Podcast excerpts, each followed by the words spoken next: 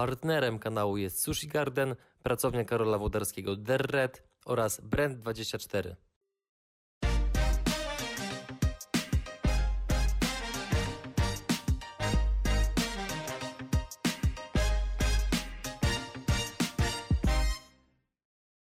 Cześć Piotr.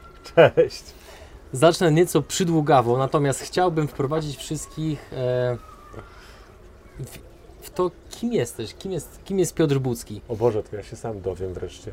E, Dzięki, uprzejm- dzięki temu, że otrzymałem maila od e, Callpage z zaproszeniem na webinar, który prowadzisz we wtorek o godzinie 10, e, stwierdziłem, że zaposił- zaposiłkuję to, co oni tam wysłali i po prostu odczytam ten fragment, ponieważ mam do niego też kilka pytań. Okej. Zaczynamy. Od 17 lat pomaga ludziom szlifować komunikację w różnych obszarach. Zawsze bazuje przy tym na psychologii poznawczej, neuronaukach i psycholingwistyce. Sprawdza teorie w praktyce, współpracując z firmami w Chile, Słowenii, Mołdawii, Azerbejdżanie, Austrii, Australii i Polsce. Autor książki Porozmawiajmy o komunikacji i złap równowagę. Współautor i redaktor merytoryczny Startup Manual Wolf Summit 2015, autor i opiekun serii Bucki Akademii, wydanej z wydawnictwem Cztery Głowy. Publikuje regularnie na InPoland oraz stronie Bucki Pro. Pisze dla Mother Me- Meg, Mag, Meg. Meg, dobra, psychologii społecznej, Dolce Vita, Madame, marketing praktycy i wielu innych. Przetłumaczył 12 książek z zakresu psychologii i poradnictwa. Współpracuje z najlepszymi ośrodkami startupowymi w Polsce, m.in. E- LPNT, Inkubator Starter, GPNT i PPNT, a także z największym rządowym programem na świecie Startup Chile i inkubatorami w Słowenii i Austrii. Występował m.in. na Wolf Summit, Davo- Davos Communication Forum, Podium Słowenia, Internet Beta, Social Media Convent, Inspiration Day w Szczecinie, PMI Kongres w Antwe- Antwerpii i wielu, wielu innych konferencjach w kraju i na świecie. Strasznie długo w ogóle. Piotr, powiedz nam, czym ty się zajmujesz zawodowo? Słowem, komunikacją. Tak sobie wybrałem, że, że najbardziej fascynuje mnie ten e, specyficzny kod, który żeśmy sobie wykształcili jako ludzie, który w zasadzie znajduje zastosowanie wszędzie, począwszy od komunikacji pomiędzy rodzicem a dzieckiem, a skończywszy na komunikacji pomiędzy człowiekiem a interfejsem, albo może teraz już coraz częściej pomiędzy interfejsem a człowiekiem. I słowo mnie fascynuje. Słowa wpływają na sposób, w jaki e, buduje się nasza tożsamość. E, Są języki, które mają taką, a nie inną strukturę gramatyczną, i w tych językach ludzie mówiący na przykład mają większą skłonność do oszczędzania, albo są, e, są plemiona, które dzięki temu, że językiem od samego dzieciństwa orientują się przestrzennie, to są świetne w orientacji przestrzennej, na przykład aborygeni. I aborygeni doskonale wiedzą zawsze, kiedy jest południowy wschód, gdzie jest południowy wschód, gdzie jest południowy zachód, gdzie jest północny wschód, bo w ten sposób rozmawiają ze sobą. Aborygeni e, z niektórych plemion, kiedy witają się ze sobą, to mówią e, cześć, skąd przychodzisz? I on mówi cześć, przychodzę z południowego wschodu, a ty skąd? A ja z południowego zachodu. O, przepraszam cię, ale wiesz co, masz muchę na twoim południowo-zachodnim ramieniu. Oni mówią w ten sposób. To jest ich sposób komunikowania. On jest dla nas oczywiście dziwny, ale oni wykształcili w sobie tak niesamowitą precyzję w orientacji przestrzennej, że jak zapytasz aborygena, gdzie jest dany kierunek, to on ci odpowie bez pudła.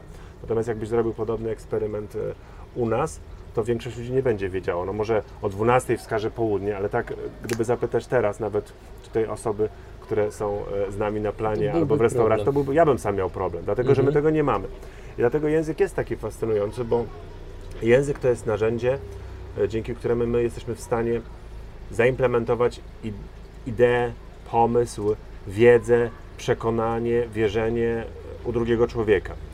No i w związku z tym, że jest takim fascynującym narzędziem, to też jest narzędziem, które może być e, bardzo niebezpieczne, bo jeżeli oczywiście robimy to dobrze, ale ze złymi pobudkami, to też się tam nam niestety uda. Dlatego ja też e, pracując z ludźmi kieruję się jednak takim, staram się przynajmniej kierować takim kompasem e, moralnym, że pomagam firmom, które chcą robić dobre rzeczy, a to też nie jest takie trudne, bo jest bardzo dużo takich firm, które chcą robić dobre rzeczy prawidłowo. To są firmy mniejsze i większe, które chcą po prostu poprawiać w jakiś sposób świat. Obojętnie, czy to są startupy, czy to są większe korporacje, to robią rzeczy, które są dobre. Nie współpracuję, e, nie współpracuję na przykład z politykami. Nie dlatego, żebym uważał, że wszyscy chcą totalnie zniszczyć świat, ale po prostu myślę, że władza jest takim niebezpiecznym afrodyzjakiem, w który ja nie chcę wchodzić.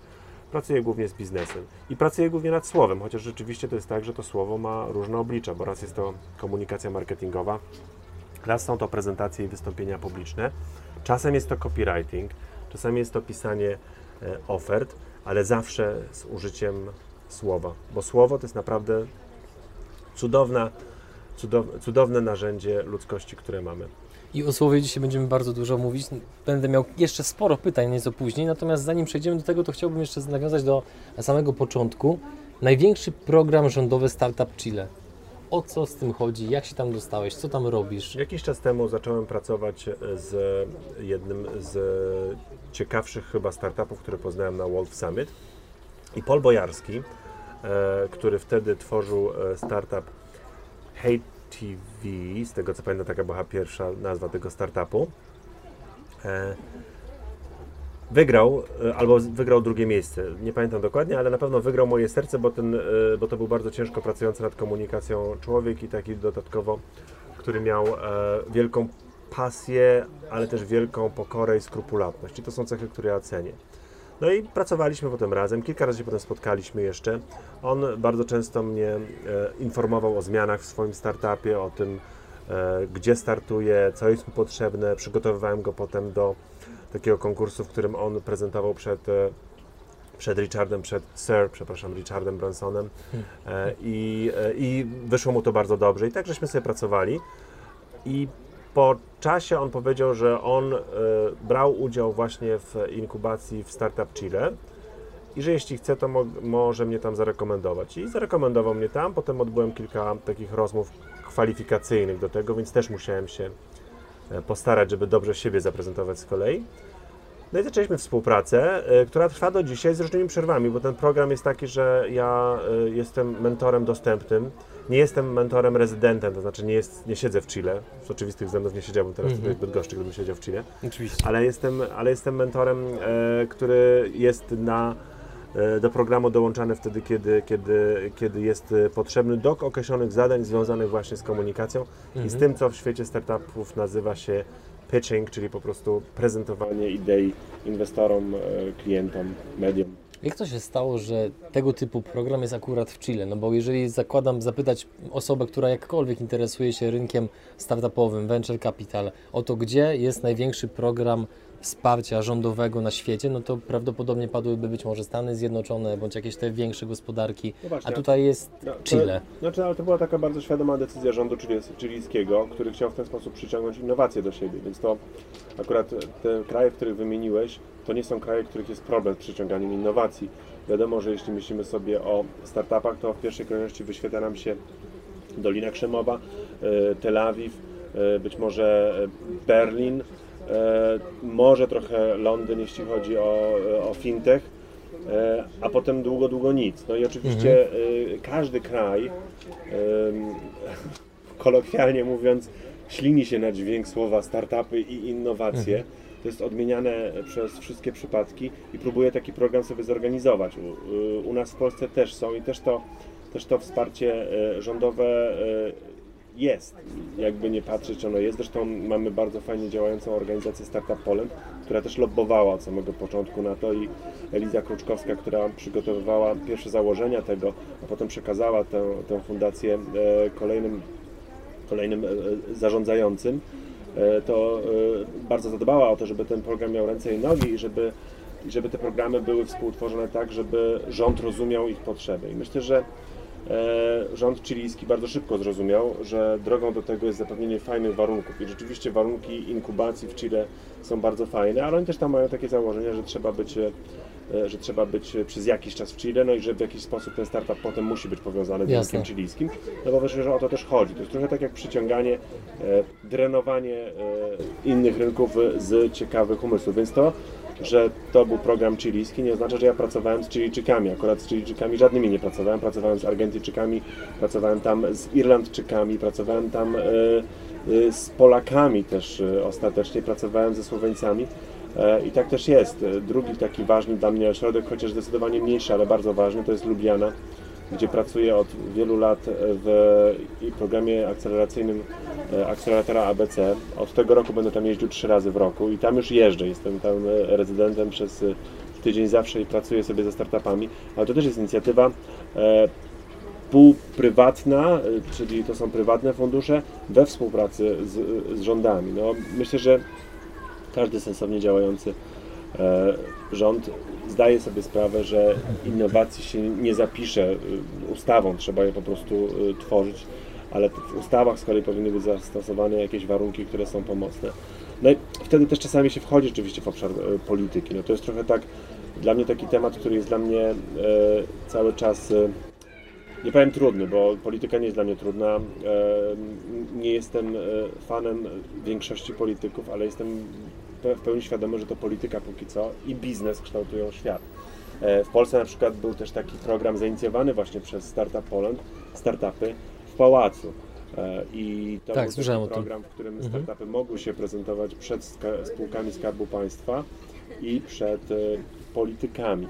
No i do tych trzech edycji ja przygotowywałem startupy, pracowałem z nimi, nie pracowałem z politykami, pracowałem przy, ze startupami, bo wiedziałem też, że bez względu na to, kto będzie rządził, to te startupy będą miały naprawdę okazję, żeby się zaprezentować przed chociażby właśnie spółkami Skarbu Państwa, a biznes e, też e, czeka na te innowacje. Nie bez przyczyny również e, potężne korporacje mają w sobie, e, mają już raz działy, e, które mają przyciągnąć właśnie innowacje od, z rynku je ściągnąć.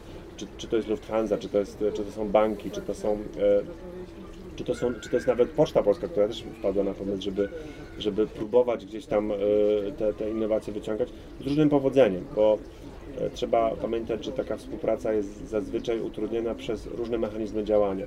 Startup to jest organizacja, która ma się szybko skalować, która ma szybko popełniać błędy, która ma e, tak szybko wypuszczać pewne rozwiązania, żeby nawet nie być zbyt dumna z pierwszego, e, z pierwszego prototypu, tylko żeby działać, testować, działać, testować, być może upadać, podnosić się, działać. I to musi być szybkie, to musi być bardzo zwinne e, i to musi być ciągłe stawianie test biznesowych, również dotyczących nawet samego modelu biznesowego. Startup nie musi na samym początku wiedzieć, jaki ma model biznesowy do końca. E, LinkedIn na przykład nie ma do teraz w pełni wykrystalizowanego modelu biznesowego i przypuszczam, że może jeszcze będzie e, jeszcze coś zmieniało. Natomiast korporacje to z kolei są takie twory, gdzie właśnie się minimalizuje wszelkie ryzyka. No bo one muszą tak działać, bo one są już tak potężne, że one swoim siłą rozpędu Tak. nie mogą popełniać takich błędów, które będą z kolei nawet drobny błąd przełoży się potem na miliony. Więc potem jest takie trudno się trochę e, dotrzeć i, i zetrzeć. E, Ja lubię pracę e, z wszystkimi, którzy są otwarci na pracę, więc dla mnie też w sumie nie ma różnicy, czy ja pracuję nad słowem w Chile, w Słowenii, w Lublianie, ze studentami podczas studiów podyplomowych, e, czy ze startupami, e, czy, czy z korporacjami, czy na przykład z, z organizacjami pozarządowymi, albo czasami nawet e, z dzieciakami w ramach jakichś działań charytatywnych, bo, bo mam też taką zasadę, poza tą, o której już wspomniałem, że nie pracuję z politykami, Mhm, mhm. to mam też zasadę, że dwa albo trzy razy do roku wybieram sobie taką akcję, przy której mogę pro bono zupełnie współpracować i albo pomóc e, dzieciakom e, z domów, e, z uboższych domów, ze środowisk, pouczyć się trochę o komunikacji, pouczyć się jak lepiej wystartować z jakimś projektem, albo jakiegokolwiek innego rodzaju akcje, akcje wspieram. Jak procentowo w Twojej pracy wygląda korzystanie z, z języka angielskiego? Ponieważ, dlaczego pytam? E, Panuje w, oczywiście takie powszechne przekonanie, że język angielski jest wręcz teraz niezbędny, natomiast jednak w zderzeniu z rzeczywistością często widzę, że jednak ten angielski jest taki no naprawdę na takim absolutnie podstawowym poziomie i ciekawi mnie bardzo to, jak Twoja bardzo dobra znajomość języka angielskiego Mhm. wpływa na Twoją pracę zawodową. Czy bardzo mi ją ułatwia. No, myślę, że nie pracowałbym w tych ośrodkach w Austrii, w Słowenii, w Azerbejdżanie i w Chile, gdybym nie znał angielskiego, bo to jest jednak ten międzynarodowy język. Ja nie, e, nie pracuję ze startupami po azersku, tylko po angielsku. I tam też jest problem językowy czasami, jeśli chodzi o znajomość języka angielskiego. Natomiast e, to po pierwsze mi to ułatwia. E, Myślę też tak, że procentowo no to jest 40 do 60% to jest tak, ale to też nie jest tak, że, że wizyta zagraniczna jest, znaczy wizyta zagraniczna zawsze jest związana z językiem angielskim, Mhm. czasami niemieckim, czasami francuskim, e, bo to są też języki, e, którymi, e, którymi władam, ale czasami też jest tak, że w Polsce przygotowuję startupy do prezentowania po angielsku albo pracuję z przedsiębiorcami również w języku angielskim, bo w, dużych korporacjach czasami prowadzę szkolenia w języku angielskim, bo oni muszą być przygotowani do tego, żeby prezentować w języku angielskim. To jest, e, to jest rynek, który jest bardzo, e, bardzo pod tym względem demokratyczny, że angielski jest tym językiem lingua franca. Nawiązując jeszcze do wstępu, jak na to wszystko znajdujesz czas, biorąc pod uwagę taką ilość różnych inicjatyw? E, Myślę, że tutaj są dwa czynniki się łączą. Ja e, rzeczywiście pracuję szybko i potrafię recyklingować wiedzę. Więc jeśli na przykład e, piszę jakiś e, artykuł, to część z tego artykułu, e, studiów przypadku albo rzeczy, które zbadałem, które znalazłem, wiem, że być może znajdą się kiedyś w prezentacji, więc od razu już je gdzieś tam sobie przeklejam i mam tak zorganizowaną, e, zorganizowaną e, wiedzę. E, na przykład e, Czy używasz jakiegoś specjalnego programowania do E, tego? Najczę- naj- najczęściej to zwykła lista zadań na to-do list i to może Aha. się wydać dziwne, ale ja mam bardzo często notatki zrobione w to-do list, czyli na przykład jeśli przyjdzie mi do głowy jakiś pomysł na prezentację, na wstęp, na dobry case study, to od razu go sobie zapisuję, Mhm. bo wiem, że on może uciec, więc to jest bardzo ważna rzecz. Ja niczego nie, nie, nie znaczy nie niczego, to by było zbyt mocno powiedziane, ale naprawdę staram się, żeby prawie nic nie zostało tylko w mojej głowie, tylko żeby było zapisane. To jest bardzo ważne, bo to uwalnia zasoby poznawcze. Trzeba pamiętać, że w pamięci krótkotrwałej my jesteśmy w stanie przechować do siedmiu elementów. Każdy człowiek. To, I tam są i numer telefonów, i rzeczy, o których trzeba pamiętać, żeby kupić w sklepie i cokolwiek innego. Natomiast jeśli o tym, jeśli do tego dodamy jeszcze na przykład, a, mam świetny pomysł na wstęp prezentacji, którą będę robił w środę, to on wypadnie, coś wypadnie z tej pamięci, nie? Mhm. I to jest, to jest jakby ta, ta organizacja. I to z czasem wychodzi, że jeżeli poznajesz sam siebie i poznajesz sam swoje sposoby pracy, to możesz wiedzieć, jak ją sobie ułatwiać, żeby ją recyklingować, żeby na przykład pracować z jednym narzędziem, a nie z trzema narzędziami. E, I też tak się nauczyłem na przykład, że jeśli chodzi o komunikację, to jak sam zresztą się zorientowałeś, e, preferuję komunikację mailową, czasem SMS albo telefon, natomiast bardzo rzadko odpowiadam na LinkedInie czy na Facebooku. Nie jest to wyraz mojej ignorancji e, czy bucowstwa, tylko po prostu e, świadoma decyzja, że po pierwsze na mailu jest mi łatwo kontrolować informacje, łatwo mi zarządzać nimi i łatwo mi zamieniać to na zadania. A natomiast na Facebooku naprawdę nie mam żadnej możliwości, żeby wiedzieć, e, gdzie jest jakiś wątek, gdzie jest jakaś wiadomość. Ja wiem, że dla większości ludzi Facebook jest takim miejscem, w którym lubią spędzać czas, więc dla nich jest wygodne, żeby a, napiszę do Budzkiego z jakąś propozycją albo napiszę. Tylko muszą mieć świadomość, że czasami ja nie zauważę tych wiadomości, bo są w folderze inne.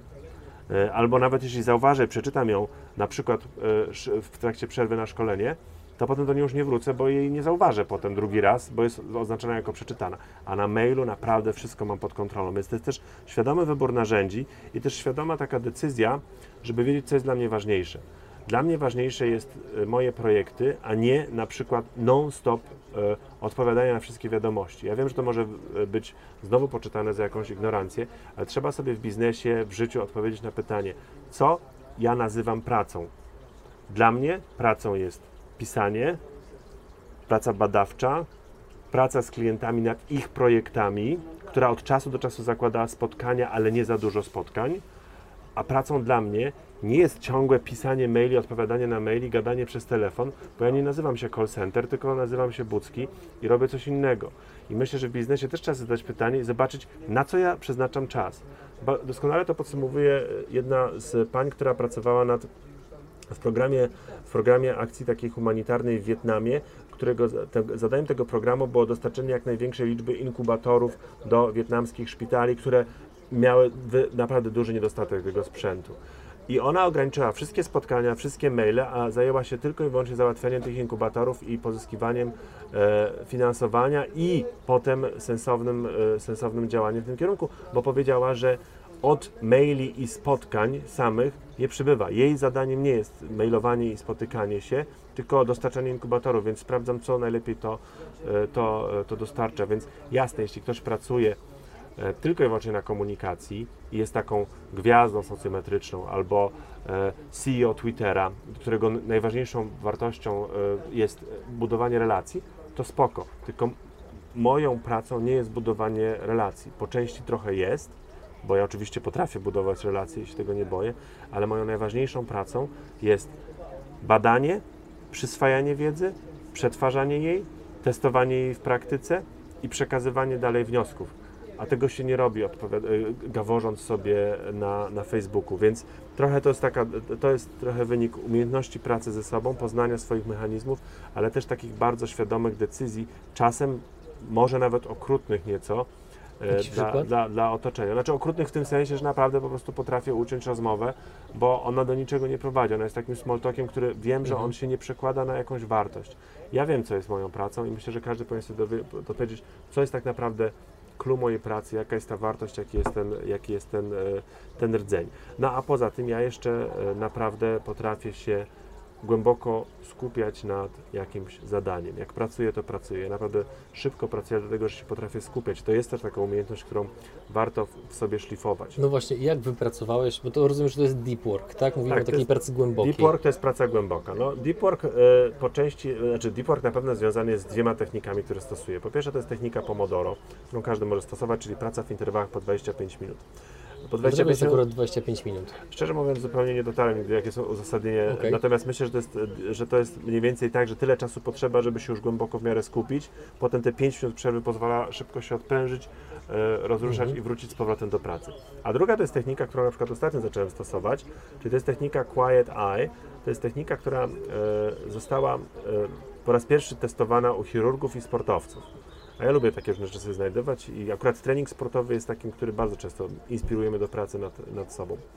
I w Quiet się po prostu patrzy na zewnętrzne e, pole po to, żeby skupić się na działaniu, ale nie na motoryce działania. Już wyjaśniam o co chodzi. Chirurg jak operuje, to powinien tylko i wyłącznie skupić się na polu operacyjnym i jego ruchy, motoryka są praktycznie intuicyjne. On nie musi myśleć o tym, w jaki sposób, tylko on po prostu ma się skupić na tym i to jest jego skupienie. Jak ja piszę, to moje skupienie jest na literkach, które pojawiają się na ekranie komputera i wtedy wchodzę w ten głęboki stan e, pracy. Jak sportowiec e, e, ma rzucić w piłkę, to znaczy rzucić piłką do kosza, to ma się skupić na piłce i na jej locie, ale nie musi myśleć o trajektoriach, jak tam ona oblicza i jaką ma siłę. On, on to robi intuicyjnie. Więc deep work e, wiąże się z, z też świadomym korzystaniem z uwagi i taką świadomością tego, że jednak bardzo łatwo się rozpraszamy. Ja też się bardzo łatwo rozpraszam. To jest tak, że e, szczególnie kiedy jestem zmęczony, przeciążony, to, to widzę sam, z jaką łatwością przychodzi mi rozpraszanie się mediami społecznościowymi, nawet jakimiś e, bezmyślnym przeglądaniem stron internetowych. No bo to jest dla mózgu czasem też po prostu taka konieczna higiena, żeby pogapić się w coś głupiego.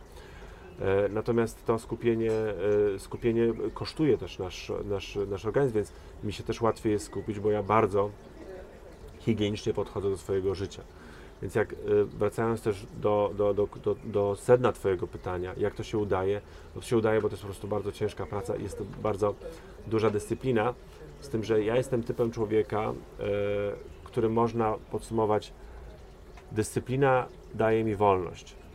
I teraz e, są inne też typy ludzi, e, są typy ludzi, którzy są na przykład buntownikami i takie osoby też powinny być w zespole i też warto je docenić, warto je zrozumieć.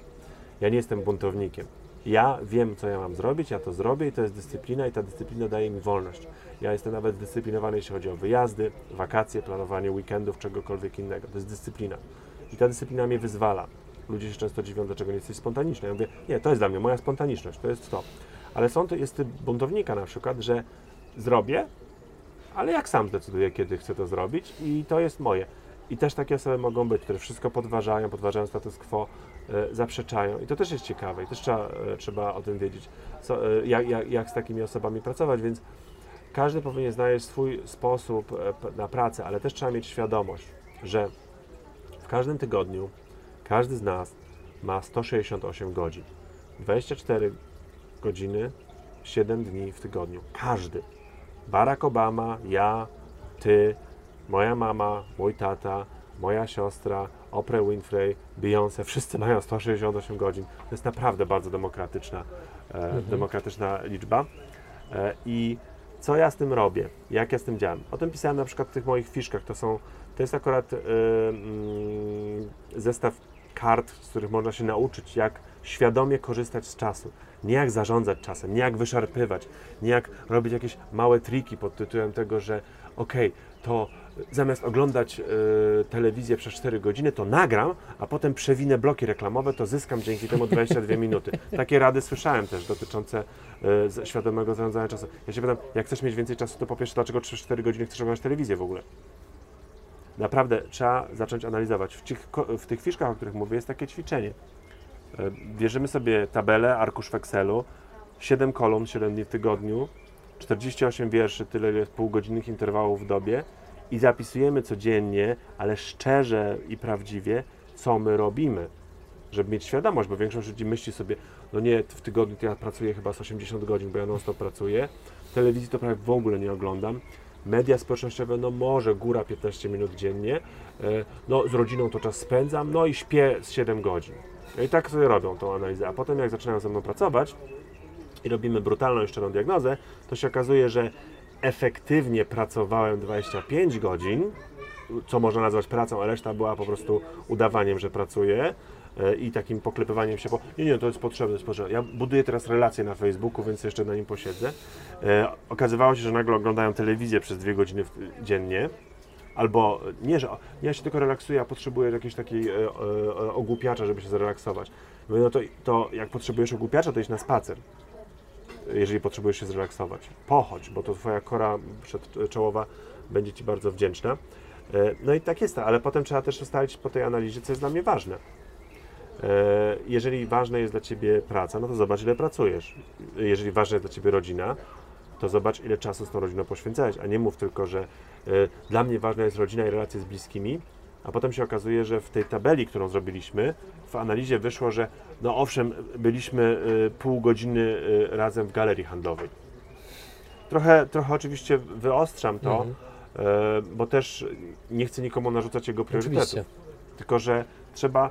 Ja myślę, że dojrzałość mierzy się taką e, szczerością wobec samego siebie. Ja pierwszy raz, kiedy zrobiłem tą, tą tabelę, to z wielu rzeczy też nie byłem dumny. Nie byłem dumny właśnie e, z czasu, e, który spędzałem na mediach społecznościowych, ale najmniej chyba byłem dumny z tego, że tak mało czasu rzeczywiście wyszło mi na relacje z bliskimi mi osobami, w tym z rodziną. Że nagle sobie można mówić, że rodzina jest dla mnie taka ważna, no ale jeśli przez ostatni tydzień nie spędziłeś z nimi ani 15 minut, no to, to dla nie jest ważna.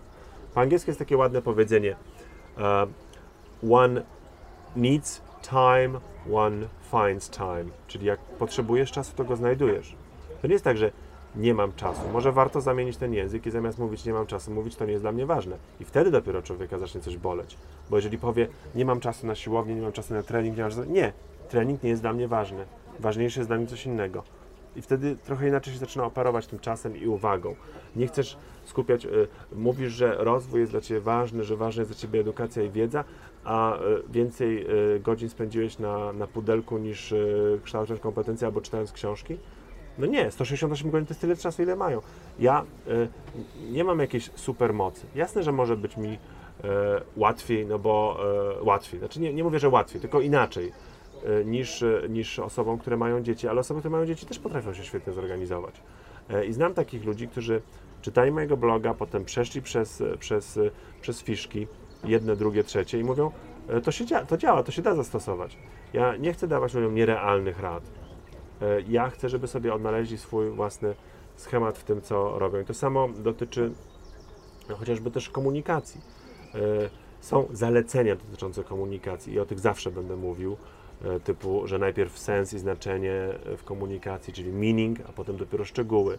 E, Są główne zalecenia dotyczące tego, w jaki sposób mózg przetwarza e, świat i co skupia naszą uwagę i dlaczego lepiej mówić rzeczami, które są nowe, a nie tymi, które są banalne.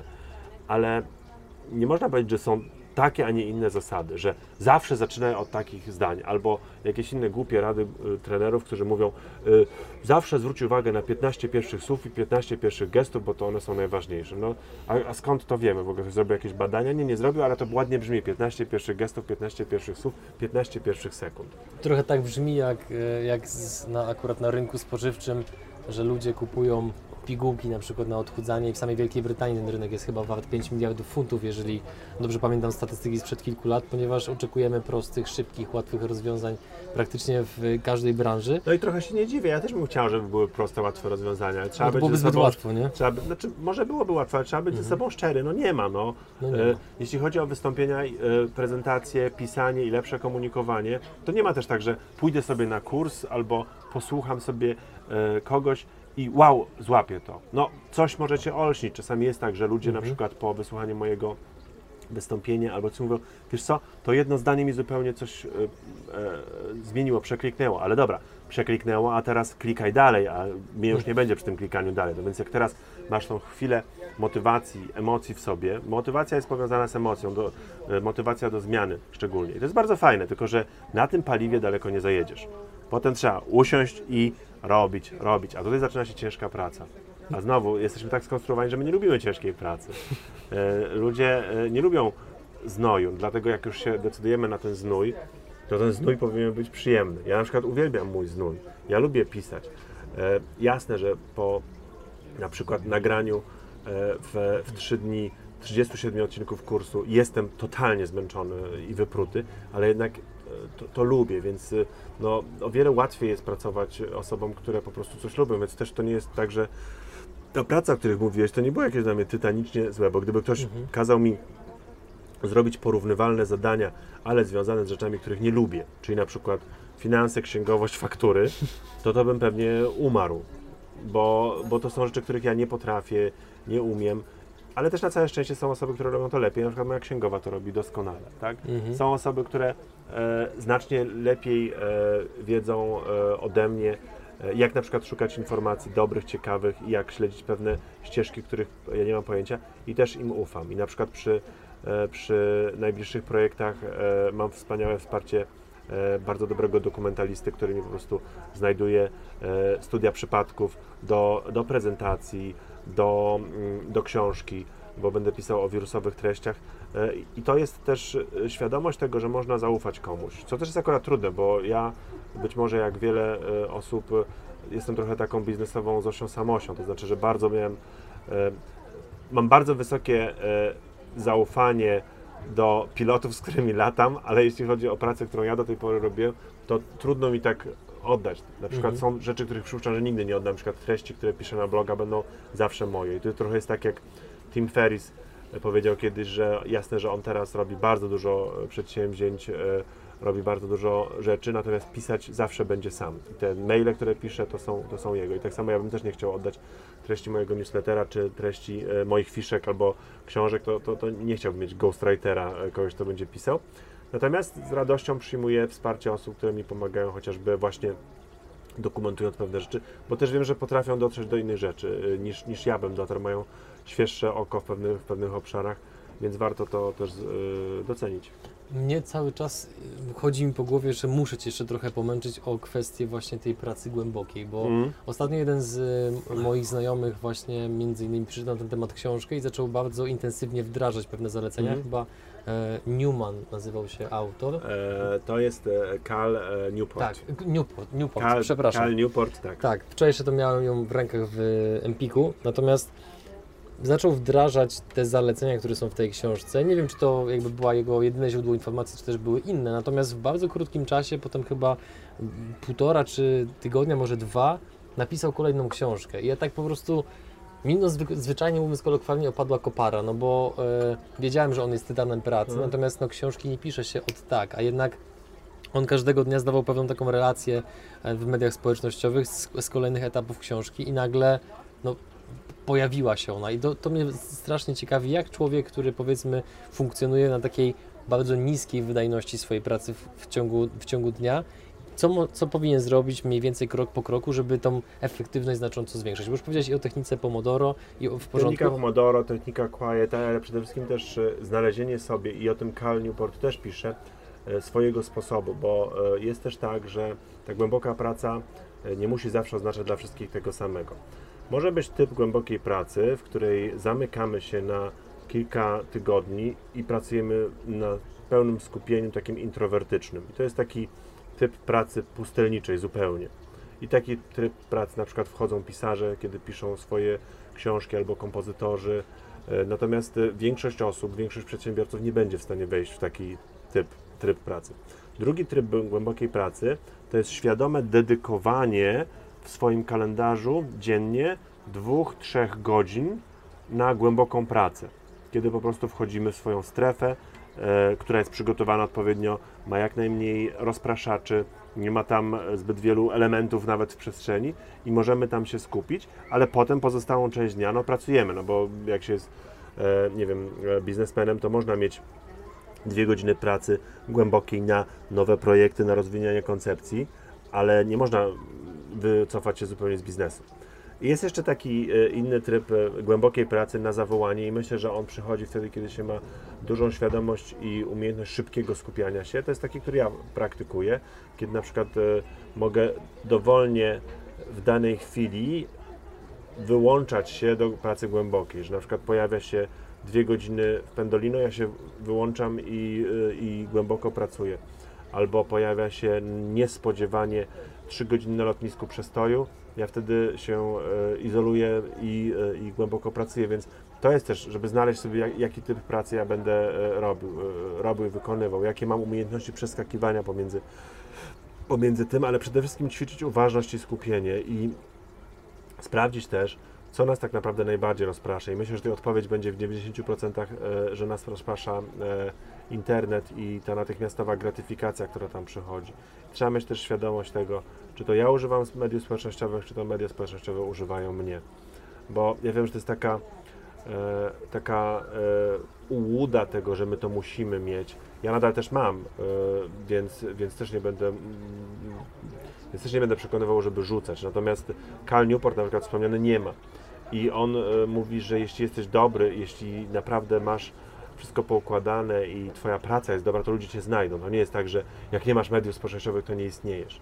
Jak jesteś, nie wiem, e, instagramerką, szafiarką, blogerką i cię nie ma, no to może rzeczywiście cię nie znajdą, bo twoja praca jest wyjątkowo wizualna i powiązana z tymi mediami. Natomiast jak jesteś na przykład badaczem, naukowcem, to nie ma potrzeby. Natalia Hatalska, e, szczerze mówiąc nie wiem nawet, czy ma e, jakąś mocną działalność w mediach społecznościowych, ale jej instytut badawczy jest ceniony, znany i wszyscy wiedzą, jaką marką jest Natalia Hatalska. E, ja na przykład też poza e, drobnymi wyjątkami nie publikuję niczego innego w mediach społecznościowych niż moją pracę od czasu do czasu i nie mam jakiejś obsesji wchodzenia tam non-stop e, w relacje, no bo też ja podjąłem taką decyzję. Więc warto, warto uważać, nie, bądź, nie być psem Pawłowem, psem Pawłowa na powiadomienia i notyfikacje. Także każda notyfikacja to jest, od razu muszę zmieniać. To jest taki tryb, który się nazywa po angielsku Event Driven Person, czyli osoba, która jest e, od powiadomienia do powiadomienia, która nie jest w stanie potem nagle usiąść i zrobić, bo non-stop musi odpowiadać. I też jest znowu taka e, taka wtedy e, teoria, że no ja muszę to robić, bo jak, jak tego nie będę robić, to świat się zawali. I teraz pytanie, czy na pewno? Na pewno się zawali? To jest trochę tak, jak ludzie piszą do mnie maila, a potem chwilę potem dzwonią, że napisali do mnie maila i że mam odpowiedzieć. Ja mówię, dobra, to jest twój priorytet teraz, że ty chcesz, żebym ja odpowiedział na tego maila, a to nie jest mój priorytet, ja mam teraz co innego zaplanowane. Albo bardzo często tak jest we współpracach z agencjami, kiedy agencja nagle pisze do mnie i mówi, że ona na jutro potrzebuje wycenę, e, ofertę, projekt, bo oni muszą stawiać do przetargu i do klienta. Ja mówię, bo klient dał taką, taką, e, taką datę. Ja mówię, dobra, no to klient dał taką datę, to musi radzić z taką datą. Ja tego nie zrobię, ja tak nie pracuję, ja tak nie przygotowuję ofert. Państwo nie wpadli w jakąś moją dziurę, w której nie mam nic do roboty, sobie siedzę i pachnę i myślę sobie, aha, więc też trochę szacunku dla siebie, to jest asertywność. Ona może być przerażająca, bo ludzie sobie myślą, e, Nie, lotnisko jest niedaleko, to dlatego. ta asertywność może nas na początku prze, przerażać, bo się boimy, że o Jezu, ludzie sobie pomyślą, że jesteśmy jacyś agresywni albo niemili, ale no dobra, no to w ostateczności nie wszyscy tak myślą. Ale e, trzeba sobie zadać pytanie, co jest ważniejsze, czy ja mam być e, niewolnikiem czyichś oczekiwań dotyczących komunikacji? Kiedyś ludzie jakoś y, żyli i funkcjonowali. Jak komuś nie, nie może poczekać pół godziny na odpowiedź na maila, to niech sobie przypomni, że kiedyś musiałby czekać dwa tygodnie, zanim by list ode mnie dostał i odpowiedź na tym liście, y, w tym liście, która by była, jakoś, jakoś to funkcjonowało. Ja wiem, że cały świat przyspieszył i to fajnie w niektórych dziedzinach. O wiele y, fajniej jest, że się jedzie 3 godziny z Trójmiasta do Warszawy, a nie 6 godzin, ale z drugiej strony nie dajmy się zwariować. To jest tak samo, jak ludzie czasami mówią, o Jezus, nie mogę pracować w Pendolino, bo w Pendolino nie ma internetu. No mówię, a nie ma żadnej pracy, którą można wykonać bez internetu albo się przygotować. Ja na przykład w Pendolino uwielbiam pracować i cieszę się, że tam nie ma internetu. Bardzo się cieszę, że tam nie ma internetu. To jest kwestia podejścia czasami do pewnych rzecz, i rzeczy i szukania e, szans w problemach, a nie problemów w szansach. Dla mnie 3 godziny bez internetu w, inter, e, w pociągu Pendolino to jest szansa na to, żeby głęboko popracować na przykład nad fragmentem książki. I ty. Zostawmy naj, nasz najcenniejszy zasób poznawczy, czyli uwagę, przejdźmy dalej i proszę, czy możesz nam powiedzieć, z jakich błędów zawodowych wyciągnąłeś najwięcej wniosków i, i mądrości? Hmm. E, na przykład e, z takiego błędu, e, który jest dosyć chyba powszechny, że jednak warto się dwa razy zastanowić, zanim się napisze na Facebooku coś w emocjach. E, to jest historia związana z moim zwolnieniem z pracy, ponieważ wiele osób, e, wiele osób ją zna, ale nie zawsze, e, nie zawsze w pełnych szczegółach. To może powiem, jak to wyglądało, bo to był taki błąd, e, z którego ja w sumie jestem zadowolony, że go popełniłem e, wtedy, a nie na przykład teraz. E, Jakiś czas temu pracowałem w firmie, w której e, rzeczywiście wszystko było dobrze, dopóki nie zaczęły być podkręcane mocno wymagania. I te podkręcane wymagania były szczególnie podkręcane w kierunku kilku menadżerów. Ja byłem jednym z tych menadżerów i e, jako osoba, która lubi dyscyplinę i lubi kontrolę, no to się łatwo e, przekonywałem sam do tego, żeby być takim koniem bokserem, jak z, folwa- z folwarku e, zwierzęcego, żeby po prostu brać na siebie dużo. No ale brałem na siebie bardzo, bardzo dużo, bardzo dużo, bo te wymagania jeszcze rosły, rosły takie naprawdę nieprzyjemne e, sytuacje, komunikacje, cały czas był zamęt i, i, i skończyło się tym wypaleniem zawodowym mocnym i zwolnieniem związanym z depresją. Ja e, poszedłem na bardzo długie zwolnienie, ponieważ byłem zupełnie wyniszczony tą pracą i e, kiedy wracałem sobie do zdrowia w tej pracy, a jeszcze cały czas byłem e, w stosunku pracy do tamtego pracodawcy, no bo nie zwolniłem się z pracy, tylko po prostu poszedłem na zwolnienie lekarskie długie. To zacząłem sobie dochodzić do siebie i wtedy na Facebooku zobaczyłem, że ktoś ze znajomych znajomych pyta o pracę w tej konkretnej firmie i mówi, no szukają, szukają, jak myślicie, warto aplikować czy nie. No i wtedy ja, już nieco lepszym stanie, ale ciągle, ciągle sfrustrowany i zagniewany, napisałem, odpaliłem, nie polecam, lepszy obóz pracy w Chinach. E, I, e, I to była taka niewinna metafora oczywiście, e, która z drugiej strony rozsierdziła pracodawcy, bo ją zauważył. Ktoś zrobił print screena z tej dyskusji na Facebooku i, i zaniósł ją do, do, do prezesów.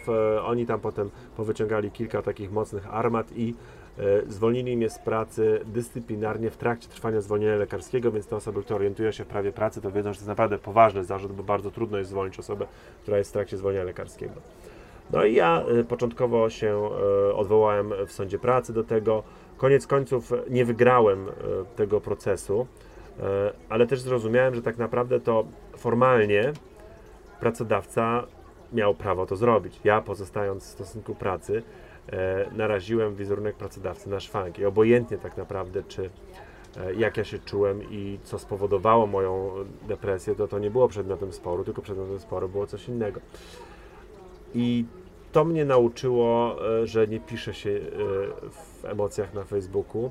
E, Nauczyło mnie też to, że polskie sądy nie do końca orientują się w ogóle w specyfice mediów społecznościowych, bo były takie sytuacje ciekawe, kiedy pani, sędzina, pani sędzia e, nie do końca rozumiała, że jeśli ja to napisałem, to naprawdę nie miliard użytkowników Facebooka zobaczyło ten wpis, bo nie mam takich zasięgów, a gdybym miał takie zasięgi, to na pewno bym się nie przejmował e, zwolnieniem z pracy. E, to mnie też nauczyło, że, e, że warto walczyć o swoje, ale też warto koniec końców zrozumieć też drugą stronę, nawet jakbykolwiek to nie byłoby trudne, że jednak e, są pewne, e, że jeżeli chcemy, żeby prawo było przestrzegane, to musimy przyznawać również e, możliwość przestrzegania prawa przez drugą stronę, czyli w tym momencie, że ja powinienem był przestrzegać prawa i nie pisać rzeczy o pracodawcy w ten sposób. E, Sprawa się skończyła, a potem, co ciekawe, e, dwa tygodnie po tym zwolnieniu e, e, z pracy już, e, dostałem propozycję wystąpienia na Startup Weekendzie z kolegami i tam wystąpiłem, więc dosyć szybko się pozbierałem i nie było już potem żadnego problemu. Dosyć szybko też e, wyszedłem z tego wypalenia zawodowego już potem i zacząłem działać i od tamtej pory się rozpoczęła taka moja, takie, taka moja nowa ścieżka w ogóle życiowa. E, I to, I to była jedna taka rzecz. Ta sytuacja, ten błąd nauczył mnie też, że można wybaczyć, bo ja e, po czasie, e, kiedy już naprawdę byłem na swojej drodze, na swojej ścieżce, to wystąpiłem na, występowałem na konferencji Protect Camp i na tej konferencji podszedł do mnie e, dyrektor IT z tej firmy i przeprosił mnie za to, w jaki sposób się zachował, za tego print screena e, i za to, że to on tak naprawdę Czy czuł- dopiero wtedy się dowiedziałeś, tak, tak, że to był on, tak, ale, ale ja powiem zupełnie szczerze i to niektóre osoby nawet nie chcą mi w to wierzyć, ale ja tak naprawdę w ogóle nie czułem do niego urazy, ponieważ znowu, mając świadomość mechanizmów ludzkich, powiedziałem mu, że ja sam nie wiem, jakbym się zachował w takiej sytuacji, ponieważ to była firma, w której była właśnie dużo władzy, dużo hierarchiczności, dużo autorytyzmu i dużo złych emocji. A ludzie naprawdę w emocjach robią rzeczy, których potem nie są dumni. I każdy z nas oczywiście może sobie mówić, że nie, ja bym był bohaterem, ale może nie byłbyś bohaterem, więc e, ja mam świadomość tego, jak działa człowiek, e, bo wiem, co na ten temat mówi psychologia poznawcza, psychologia społeczna i wiem, że my się zachowujemy bardzo często kontekstowo. To znaczy, że naprawdę możemy o sobie myśleć najlepsze rzeczy, jakbyśmy się zachowali, co byśmy ratowali z pożaru, kogo byśmy, komu byśmy pomagali, jak byśmy nie byli szlachetni w danej sytuacji, a potem czasami milczymy albo ratujemy jakieś najgłupsze rzeczy z pożaru, a nie to, co trzeba. Więc, e, więc wybaczyłem, to też mnie nauczyło, więc to był taki, taki duży błąd. Z innych błędów e, ja co jakiś czas popełniam jakieś błędy, ale dosyć szybko, e, dosyć szybko reaguję e, poprawą. Jeśli ktoś mi zwraca na przykład uwagę w internecie, że nie wiem, zamiast napisać, e, e, zamiast napisać e, e, założyłem bluzę z kapturem, napiszę ubrałem bluzę w kapturze i zrobi to w wiadomości prywatnej, to ja się nie obrażam. Jeżeli ktoś mi wskaże, że jakieś badania pomyliłem albo że są inne interpretacje tych badań, to też się nie obrażam, tylko poszerzam swoją wiedzę. Jakiś czas temu mój student na studiach podyplomowych zwrócił mi uwagę, że opowiadając endykronologiczną interpretację opowieści o Gilgameszu, e, o, e, o Goliacie i Dawidzie, e, pomyliłem kilka rzeczy medycznych, a on akurat studiował medycynę, e, to też się nie obraziłem, tylko mu podziękowałem, bo wyprostował moją wiedzę, wyprostował mój świat. Dla mnie naprawdę najważniejszą wartością jest dochodzenie do prawdy, a dochodzenie do prawdy oznacza, że czasami musimy się pogodzić z tym, że nie mieliśmy racji. To jest bardzo trudne. Bardzo trudne i wymaga dużej pracy nad sobą, bo w wielu dyskusjach my chcemy przekonać, że to my mamy rację. Nie obchodzi nas prawda. Mamy rację i to jest dla nas ważniejszą wartością. I mogę zrozumieć, jak ktoś ma taką wartość, że dla niego ważniejsze jest mieć rację ponad wszelką wątpliwość, a nie jak jest naprawdę, to jest ok. Tak jest na przykład w dyskusjach o edukacji że ludzie myślą, że mają rację, bo pamiętają jak było kiedyś i kiedyś to było dobrze, a teraz jest inaczej i nie no, edukacja jest akurat dziedziną, która mam dosyć dobrze przebadane, jak powinna wyglądać. Na pewno nie tak, jak teraz wygląda i wracanie do czasów PRL-u też jej nie uratuje. E, Chyba no jedną z takich rzeczy, błędnych przekonań, o których ja przynajmniej słyszałem, jeżeli jestem w błędzie, to proszę wyprowadź mnie, jest powszechnie panujące przekonanie, że duże klasy sprzyjają temu, że nauka idzie efektywniej. A No. podobno jest totalnie odwrotnie. No jest odwrotnie, powinny być mniejsze grupy, powinna być praca projektowa. To jest tak samo jak przekonanie ciągle, że prace domowe pomagają w lepszym absorbowaniu nauki. Nie pomagają w ogóle. W Finlandii nie ma w ogóle prac domowych, a to jest jeden z lepszych systemów edukacyjnych na świecie. I oni po prostu w Finlandii podjęli też taką decyzję, że to jest ich totalny, absolutny konik. Więc jeśli miałbym w ogóle mówić o, o polityce kiedykolwiek, to chciałbym kiedyś w jakichś fajnych warunkach pracować nad edukacją w jakimś kraju, pewnie w Polsce, Mhm. no ale na pewno nie teraz. Idąc dalej, z jakich błędów, jakich błędów poznawczych nie doceniają przedsiębiorcy i czy gdyby zdawali sobie z nich sprawę, to podejmowaliby bardziej opłacalne dla nich decyzje? E, Wszystkie błędy poznawcze, które e, można wykorzystać w biznesie, świetnie opisał Dan Ariely w książce Potęga Irracjonalności. Polecam absolutnie. Ale z Już ją takich, zamówiłem. ale z takich absolutnie e, kluczowych to jest motywowane rozumowanie i błąd, błąd konfirmacji, błąd potwierdzenia. To jest szukanie argumentów, które będą potwierdzały nasze tezy, z całkowitym omijaniem tych, które nie potwierdzają naszej tezy. I to jest taki błąd, e, który popełniają przedsiębiorcy na wielu etapach. E, To jest również błąd, który każdy z nas popełnia. I to jest znowu, żebyśmy dobrze zrozumieli. Błędy poznawcze to nie są, e, to nie jest błędne zapisanie numeru, to nie jest też błędne skręcenie w ulicę, którą, którą nie chcieliśmy skręcić. To jest błąd, który jest nieuświadomiony. My jesteśmy ślepi na ten błąd i ślepi na ślepotę.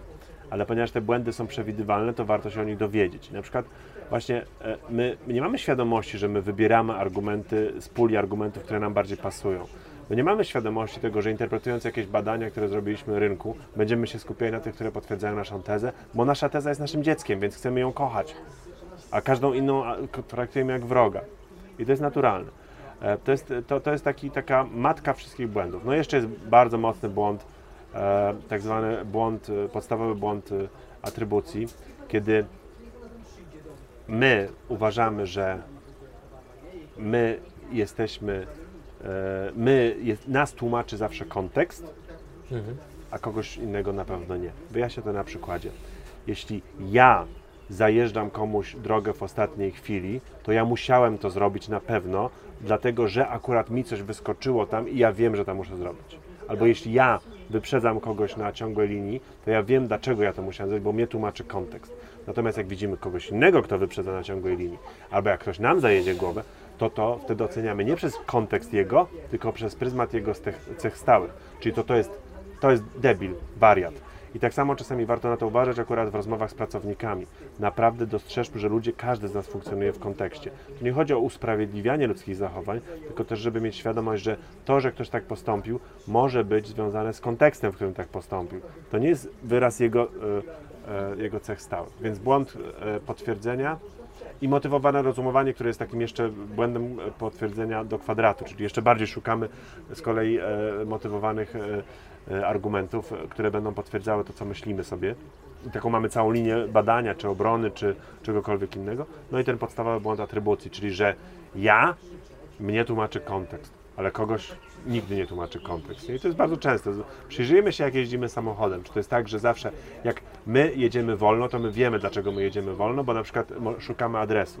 Ale jak ktoś przed nami jedzie wolno, to jest po prostu łajza, debil, a nie... Wszystko a nie, najgorsze. to wszystko co najgorsze, a nie myślimy sobie na przykład, że może też szuka adresu na przykład. Albo właśnie jak my jedziemy, pędzimy szybko, to my wiemy, bo my znamy tą drogę, my dokładnie wiemy jakieś, a jak ktoś jedziesz i mija nas, wariat, debil, ła- dawca narządów, nie? Mhm. No. Ja- Jak się bronić przed tym pierwszym błędem, czyli żeby nie zakochywać się w swoim punkcie widzenia? Inwalidować. Zamiast walidować pomysły, inwalidować je. Zamiast myśleć sobie, co takiego, e, dlaczego ten mój pomysł jest taki fajny, to myśleć, dlaczego nie jest taki fajny. I to często doradzam na przykład startupom. Umieć, e, umieć e, dobrze męczyć dane, nie ulegać iluzji danych, umieć dobrze zadawać pytania. Pamiętać, że podczas zadawania pytań dotyczących chociażby e, mm, preferencji religijnych, preferencji zdrowotnych e, i wielu innych e, elementów związanych z naszym życiem i z naszymi przekonaniami, ludzie w badaniach dają tak zwaną odpowiedź, która jest zgodna z oczekiwaniami społecznymi. Czyli na przykład jeśli pytamy ludzi, czy jedzą zdrowo, to większość osób nagle okazuje się, że po prostu jedzą szyszki i przegryzają jarmużem. A jeśli na przykład pytamy ludzi wychodzących z kościoła, czy są osobami wierzącymi, to też to powiedzą. W ten sposób ktoś wykonał badanie, serio, że 98% Polaków to katolicy.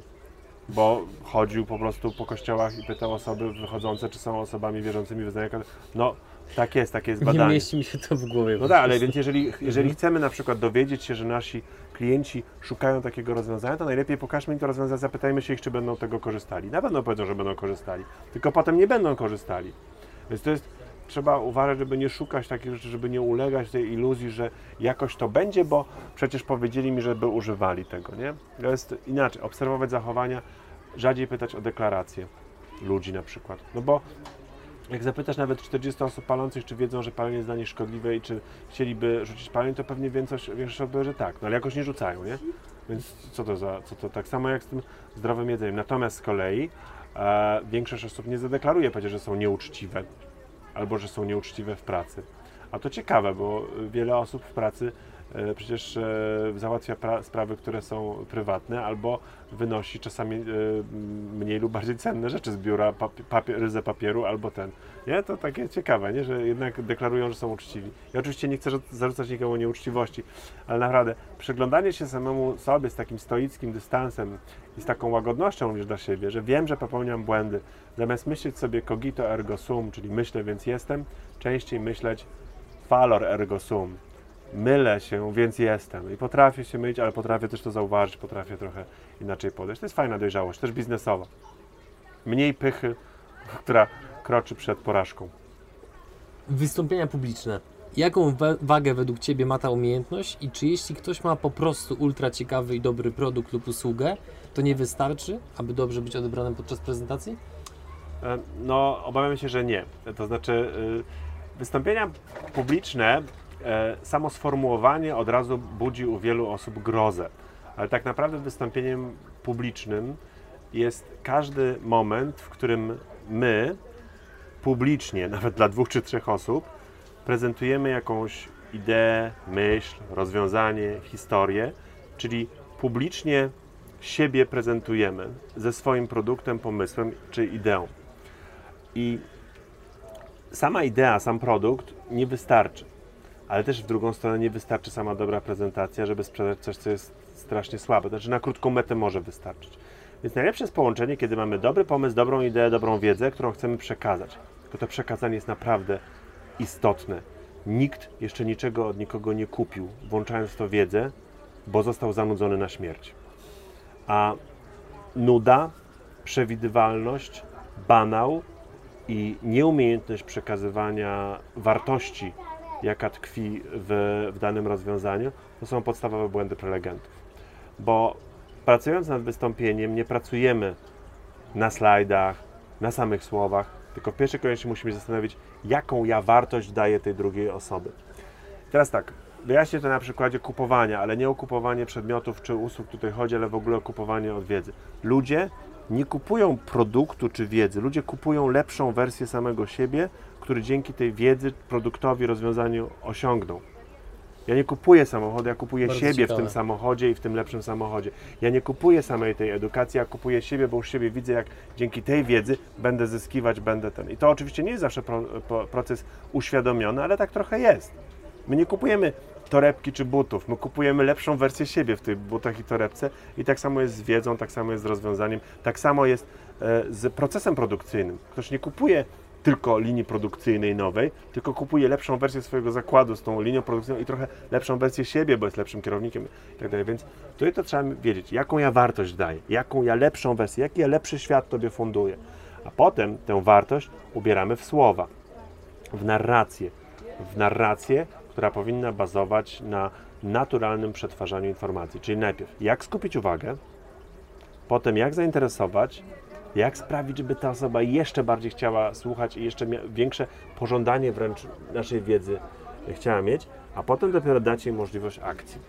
A to oznacza, że najpierw powinien być kontekst, fajnie zarysowany problem albo wyzwanie, potem dopiero na tym tle pojawia się rozwiązanie, które ludzie mają się nie móc się doczekać tego produktu czy rozwiązania.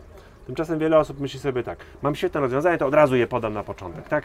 I stworzyliśmy niesamowitą aplikację, która ułatwi wszystkie Twoje aspekty życia, albo zespół z pasją przygotował dla Państwa innowacyjne rozwiązanie, które potrafi zwiększyć globalne przewagi na światowych e, rynkach. E, Ma fantastyczne funkcje, jest bardzo intuicyjne i jest bardzo przyjazne użytkownikom. Taką komunikacją jesteśmy zalewani. No tak, ale dlatego, że nikt nie Mhm. uczy. Ja nie mam trochę pretensji do ludzi, że tak mówią, bo przecież nikt ich tego nie uczy, ale z drugiej Mhm. strony naprawdę przełamać to i bądźmy trochę bardziej łaskawi dla słów, y, mniej glutów słownych, mniej brei słownej, mniej żargonu, który jest niezrozumiały i mniej słów i zdań, które nic nie znaczą. Bo jak się z nich wyciśnie, to się nie wiadomo, co się ma wycisnąć z nich. Gdzie szukać tej wiedzy pod kątem wystąpień publicznych? E, u mnie na blogu. Nie, ale... Tam też, okej? E, są dwie książki, które na pewno mogę e, polecić z czystym sercem. Pierwsza to jest Piękny styl Steve, e, Stevena Pinkera, e, która to książka nie mówi o samym mówieniu, ale mówi o pisaniu i w ogóle o treści. A druga książka, którą ja naprawdę e, bardzo, bardzo szczerze polecam, to będzie książka jeszcze nie moja, moją też polecam, ale jako może trzeci dodatkowy element. Ale to jest książka Garmina to, Talk Like Ted, czyli to jest po angielsku tytuł, po polsku ona chyba wyszła e, e, Mów jak Ted albo Mów jak mówcy Ted, nie pamiętam dokładnie, ale znajdziecie sobie Państwo to z pewnością. E, I teraz ta książka druga odnosi się niby do wystąpień TED, ale tak naprawdę to ona się odnosi do każdej prezentacji i można spokojnie stosować te, te elementy. A potem po prostu ćwiczyć i pokornie ćwiczyć. I do tego przydają się fiszki, materiały, praca, oglądanie, nie bać się storytellingu, nie bać się zapisywać na szkolenia, wziąć dobre szkolenie e, dwudniowe z tego, nauczyć się procesów, a potem ćwiczyć. To jest trochę tak jak wziąć sobie e, wziąć sobie trenera. To biegacze na przykład, którzy do jakiegoś etapu mogą biegać amatorsko, a potem jeśli chcą być lepsi, to biorą sobie trenera. Nawet jeśli nie będą startowali na olimpiadzie, to ten trener im pokaże, gdzie robią błędy. To jest takie zewnętrzne oko. Tak samo jest z mówieniem. To, że my mówimy, to nie znaczy, że dobrze komunikujemy. To, że my biegamy, nie znaczy, że dobrze biegamy. To, że my oddychamy, nie znaczy, że dobrze oddychamy. Można poprawić w każdym tym aspekcie, ale musimy mieć kogoś, kto jest profesjonalistą i znowu kogoś, kto wie, jak funkcjonuje mózg, a nie tylko nauczył się, jak robić wieżyczkę ekspercką i e, kształci e, mówców, chary, charyzmatycznych mówców. Bo akurat tu o słowo chodzi. Słowo jest totalną bronią. Gdybym teraz powiedział Tobie, że wyobraź sobie fioletową krowę, która stoi pomiędzy dwoma, półka, dwoma rzędami masywnych dębowych półek, na którym stoją oprawione w skórę dzieła zebrane Słowackiego i ta krowa nagle odwraca się w Twoim kierunku i patrzy na Ciebie fioletowymi y, oczami i otwiera gębę przeżuwając, a w tle leci muzyka parostatkiem e, Parostatkiem w piękny rejs Krzysztofa Krawczyka, to nagle powstał w Twojej głowie obraz. Absurdalny, dziwny, ale powstał. Dzięki słowom. Przecież tu nie ma fioletowej krowy. Nie ma dębowych półek. Ale to możesz sobie wyobrazić. I tak właśnie trzeba traktować słowa. Budować konkretne światy dla ludzi, którzy oglądają. Ja to porównuję trochę do architekta z filmu Incepcja. Architek rolą, zadaniem architekta w filmie Incepcji było zbudowanie światu, kontekstu. No to dlaczego w tych prezentacjach my nie widzimy kontekstu? Dlaczego są przewidywalne? Dlaczego są banalne? Dlaczego ja idę na panel, na którym ludzie dyskutują o tym, czy warto, e, czy warto myśleć e, globalnie robiąc startup i wiem czego się dowie, że tak warto myśleć globalnie, jak robić startup. Dlaczego idę na prezentację o tym, dlaczego kobietom jest ciężko w, w biznesie i się dowiaduję tego, co już, co już wiem. I to nie jest zarzut, ale trzeba się zastanowić, co ja takiego mogę powiedzieć tym ludziom, co ich ubogaci, a to, co już wiedzą, ich nie ubogaci. Więc jak ktoś zaczyna prezentację dotyczącą ochrony środowiska, że każdego roku w Polsce smog zabija 40 tysięcy osób, no to sorry, ale to jest informacja, którą wszyscy znają. Że nawet osoba, która by się zakopała w Bieszczadach i hodowała owce, to do, ta, ta informacja do niej dotarła. Więc trochę szacunku dla siebie i dla odbiorców. Robić dobrze, pracować. Pewność siebie. Czy istnieją jakieś, może to tak zabrzmi trochę dziwnie, ale takie proste lifehacki, które w bardzo krótkim czasie są w stanie sprawić, że ktoś wewnętrznie będzie tą pewność siebie jednak odczuwał w sytuacji, w której tego bardzo potrzebuje?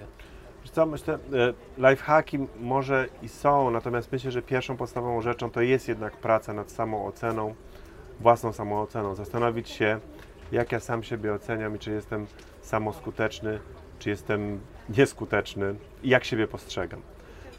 Drugą rzeczą jest to, żeby dać sobie e, świadomość, e, dać sobie przyzwolenie na popełnianie błędów, ale na poprawę też. E, ale jeśli chodzi o pewność siebie, to ona, może to zaskoczy ludzi, znik, może na chwilę być zachwiana poprzez wiedzę, którą się ma. To jest tak zwany efekt Dunninga-Krugera. Osoba, która ma nikłą świadomość wiedzy w jakimś obszarze, myśli, że wie wszystko.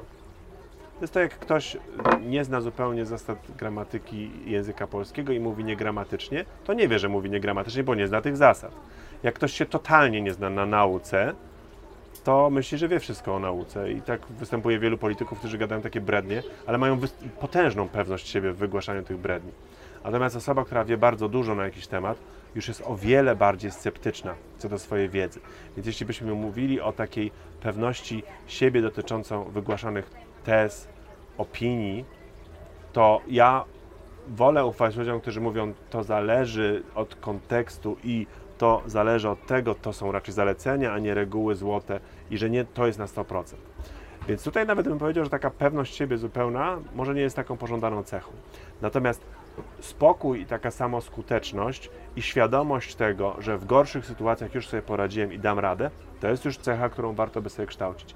I to jest taka cecha, która polega na tak zwanej e, wytrzymałości psychicznej, czasami się o niej mówi elastyczność psychiczna i to jest po angielsku resilience.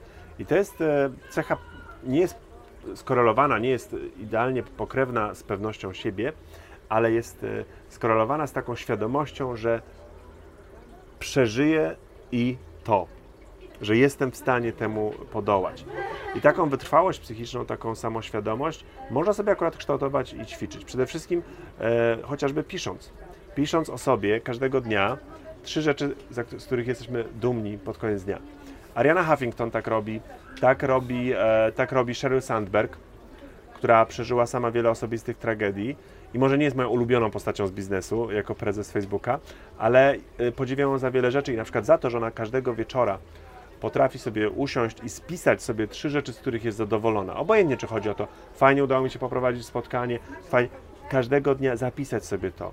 Bo z jednej strony powinniśmy być wyczuleni na swoje błędy i wiedzieć, jak je poprawić i też sobie spisać, co ja mogę poprawić i jak mogę to poprawić, ale też być z siebie dumnym. Być z siebie dumny każdego dnia, bo naprawdę to, co e, robimy jest fajne, więc ty możesz sobie dzisiaj wieczorem spisać, że przeprowadziłeś fajnie, przygotowałeś, zorganizowałeś. Robić sobie to napisać, ale zapisać sobie to. To jest taka cecha, którą można wzmacniać naszą wytrzymałość psychiczną, a wtedy będzie nam też łatwiej nawet podczas wystąpień psychicznych, e, psychicznych wystąpień Mhm. publicznych. Wtedy będzie nam łatwiej nawet podczas wystąpień publicznych, bo wytrwałość, wytrzymałość psychiczna, resilience, e, pozwala nam lepiej funkcjonować w stresie. A czy ja mam taką w ogóle refleksję teraz po Mhm. tym, co ty powiedziałeś, że e, ja staram się każdy dzień właśnie sobie podsumowywać zarówno co się udało oraz co można było Co zrobić można lepiej. poprawić, tak. Ale nie, takich- co się nie udało właśnie, tylko co mógłbym zrobić lepiej. Tak. To też jest kwestia języka. Tak, i teraz mam na przykład taką refleksję odnośnie nawet samego przygotowania do wywiadu, bo stała się taka rzecz, której absolutnie nie przewidziałem, czyli za każdym razem, jak na przykład tworzę listę pytań, to ja sobie je czytam na głos. A na przykład pierwszy fragment, ten cały wstęp, on był przekop- przekopiowany z innego źródła jedyną różnicą, która, którą zrobiłem, było to, że ja go czytałem tylko w myślach. Gdybym go przeczytał na głos, to nie, nie zrobiłbym prawdopodobnie dwóch albo trzech potknięć językowych, za które przez chwilę mi było wstyd, ale to wynikało z tego, że e, nie robiłem tego wcześniej i sądziłem, że jak przeczytam sobie po cichu, to będzie wszystko ok, a potem nagle, czytając na głos, nastąpiło po prostu jakieś tam zwarcie na synapsach, że, że jednak nastąpiło to potknięcie, więc na pewno Dlatego- to będzie skorygowane. No, dlatego trzeba zawsze testować i próbować na 100% i również przy wystąpieniach Tak. publicznych. To też zawsze polecam. To nie jest tak, że my sobie coś tam, a tutaj to powiem tak, tutaj powiem tak. Nie. Powiedzieć tak, jak powiem, bo wtedy nagle Mhm. może się okazać, że w tekście jest bardzo niebezpieczna zbitka słowna, której jak sobie czytamy ją i w głowie nasz głos ją czyta, to nigdy się nie potknie No przecież. A jak y, wyjdziemy na scenę i mamy na przykład powiedzieć frazę wilki z rdestowej, albo mamy powiedzieć y, frazę y, dla chrząszcza w chrzanie cały chrzan jest jego światem, no to to nam w głowie No spoko. Świetnie, tak, ale potem wychodzimy i nagle trzeba to powiedzieć. A wtedy się zaczynamy denerwować, bo przecież jak wychodzimy na scenę, to stres jest głównie związany z ośrodkiem w, podz- w podwzgórzu, z ośrodkiem w podwzgórzu, które wyzwala hormony y, związane ze stresem, substancje, które aktywują hormony związane ze stresem, a, a to jest taka sama reakcja, jakbyśmy e, właśnie walczyli o życie.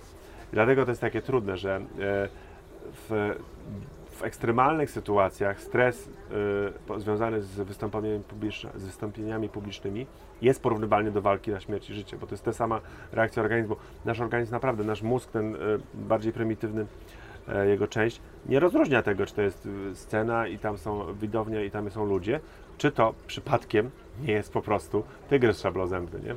No właśnie, tak jesteśmy już przy stresie, to ja ostatnio widziałem takie wystąpienie, w którym pani za pomocą właśnie badań udowadniała, że nawet nie, nie jestem pewien, czy to nie było w jednym z Twoich maili bądź artykułów, gdzie ta pani udowadniała, że dużo zależy od tego, jak my ten stres postrzegamy, Mhm. ponieważ są wyniki badań, które pokazują, że jeżeli człowiek interpretuje stresową reakcję organizmu jako pożądaną, taka, że ta reakcja Taką ma mu pomocną. pomóc, jako pomocną, że ma mu pomóc zrobić jakieś zadanie, wykonać je lepiej, to ten stres nie jest niszczący. Natomiast kiedy go interpretujemy jako coś, co jest obciążeniem, to wtedy ten nasz organizm rzeczywiście na tym w pewien sposób traci. To jak to z tym stresem w końcu jest? Jest szkodliwy czy nie? E, Znowu to zależy, moja ulubiona odpowiedź. Oczywiście, że długotrwały stres związany z wypaleniem zawodowym, z mobbingiem, z przemocą fizyczną, psychiczną, rażeniem prądem, e, życiem w przewlekłych, e, złych warunkach, e, to nie jest nic dobrego. To jest taki stres, to jeżeli będziemy, że- jeżeli dziecko jest zestresowane, ponieważ nie ma opieki, jest, jest bite, maltretowane, to, to, to nikt nie, mu- mi nie powie i żadne badania nie udowodnią tego, że ten stres jest dla niego korzystny. Natomiast na całe szczęście większość z nas codziennie nie funkcjonuje w takim stresie i na nikogo nie spadają bomby w Aleppo, e, więc nie musi funkcjonować taki. Ale e, ten codzienny i drobny stres, jeśli jest dobrze przetworzony na, e, przez nas, to może nie być taki niszczący. Myślenie o stresie też zmienia reakcję fizyczną na stres. Jeśli stresujemy się i postrzegamy ten stres jako niepożądane zjawisko, które nam przeszkadza, które jest jak kłody kładzione przed nasze nogi, to wtedy zwężają się nasze e, e, naczynia, wieńc, Mhm. naczynia wieńcowe, Mhm. co sprawia, że przy mocno bijącym sercu i przy za, zwężonych naczyniach wieńcowych, no to taka reakcja jest bardzo niedobra i może prowadzić rzeczywiście długofalowo do chorób układu krwionośnego. Natomiast jeśli my postrzegamy to bijące szybciej serce, przyspieszony oddech, napięcie mięśniowe jako coś pożądanego i jako na sygnał, że oto właśnie moje ciało pozwala mi wznieść się na wyżyny, no to wtedy te, te y, naczynia krwionośne pozostają rozszerzone, a to jest z kolei podobne do biologii, którą mamy przy odwadze. Nagle czujemy się odważni. To jest taka tak zwana biologia y, odwagi. I taką biologię odwagi trzeba sobie co jakiś czas fundować, szczególnie przed wystąpieniami. I też zmienić język. Ja nie mówię, że się stresuję przed wystąpieniami, ja się ekscytuję. I nadać też ekscytacji sens. Zadać sobie pytanie, dlaczego ja się ekscytuję? Nie dlatego, że boję się, że mi nie wyjdzie, tylko dlatego, że chcę, żeby mi wyszło. Y, Chcę, żeby to, co mam do przekazania, było ważne, że to, nad czym pracowałem, jest akurat teraz do przekazania tym ludziom, którzy tam siedzą, że to jest dla mnie ważne, istotne, to jest moja pasja, dlatego się ekscytuję. To jest porównywane znowu do sportu. Zawodnicy przed wyjściem na murawę nie mogą być na luzie, tak? No jak są na luzie, to na pewno nic z tego nie będzie. Zapytaj kogokolwiek, kto występuje, kto, kto jest sportowcem przed startem, przed wyjściem na murawę, przed wyjściem na ring. Ci ludzie są cali naładowani, bo wiedzą, że to, co się dzieje w ich organizmie, to jest właśnie to, co im pomoże. I tak samo musimy traktować wystąpienia publiczne, bo nasz e, organizm będzie się stresował i to w sumie dobrze, no bo to jest sytuacja Mobilizacji e, mobilizacji. I ta mobilizacja może być dla nas dobra albo zła, jak będziemy oni myśleli, że nam przeszkadza. Zobacz, jak wiele osób myśli sobie, e, co będzie, co będzie, co będzie, jak się pomylę. No dobra, to zamiast martwić się na zaś, to to, co mogę mieć pod kontrolą, trzeba przemyśleć i zaplanować. Jak się martwisz tym, co będzie, jak ci slajdy wylecą, albo co będzie, jak filmik się nie odpali, no to sprawdź sobie, czy się odpali. No, dla mnie to jest zaskakujące, jak bardzo często ludziom puszczają nerwy, dlatego że się po prostu nie przygotowali. Że nagle pilot nie działa, nie, nie wiem w którą stronę, no bo chwyciłeś go do góry nogami, bo nigdy nie, przetw- nie przećwiczyłeś sobie z tym pilotem do zmieniania slajdów. No bo filmik się nie odpali, co się dzieje, co się dzieje?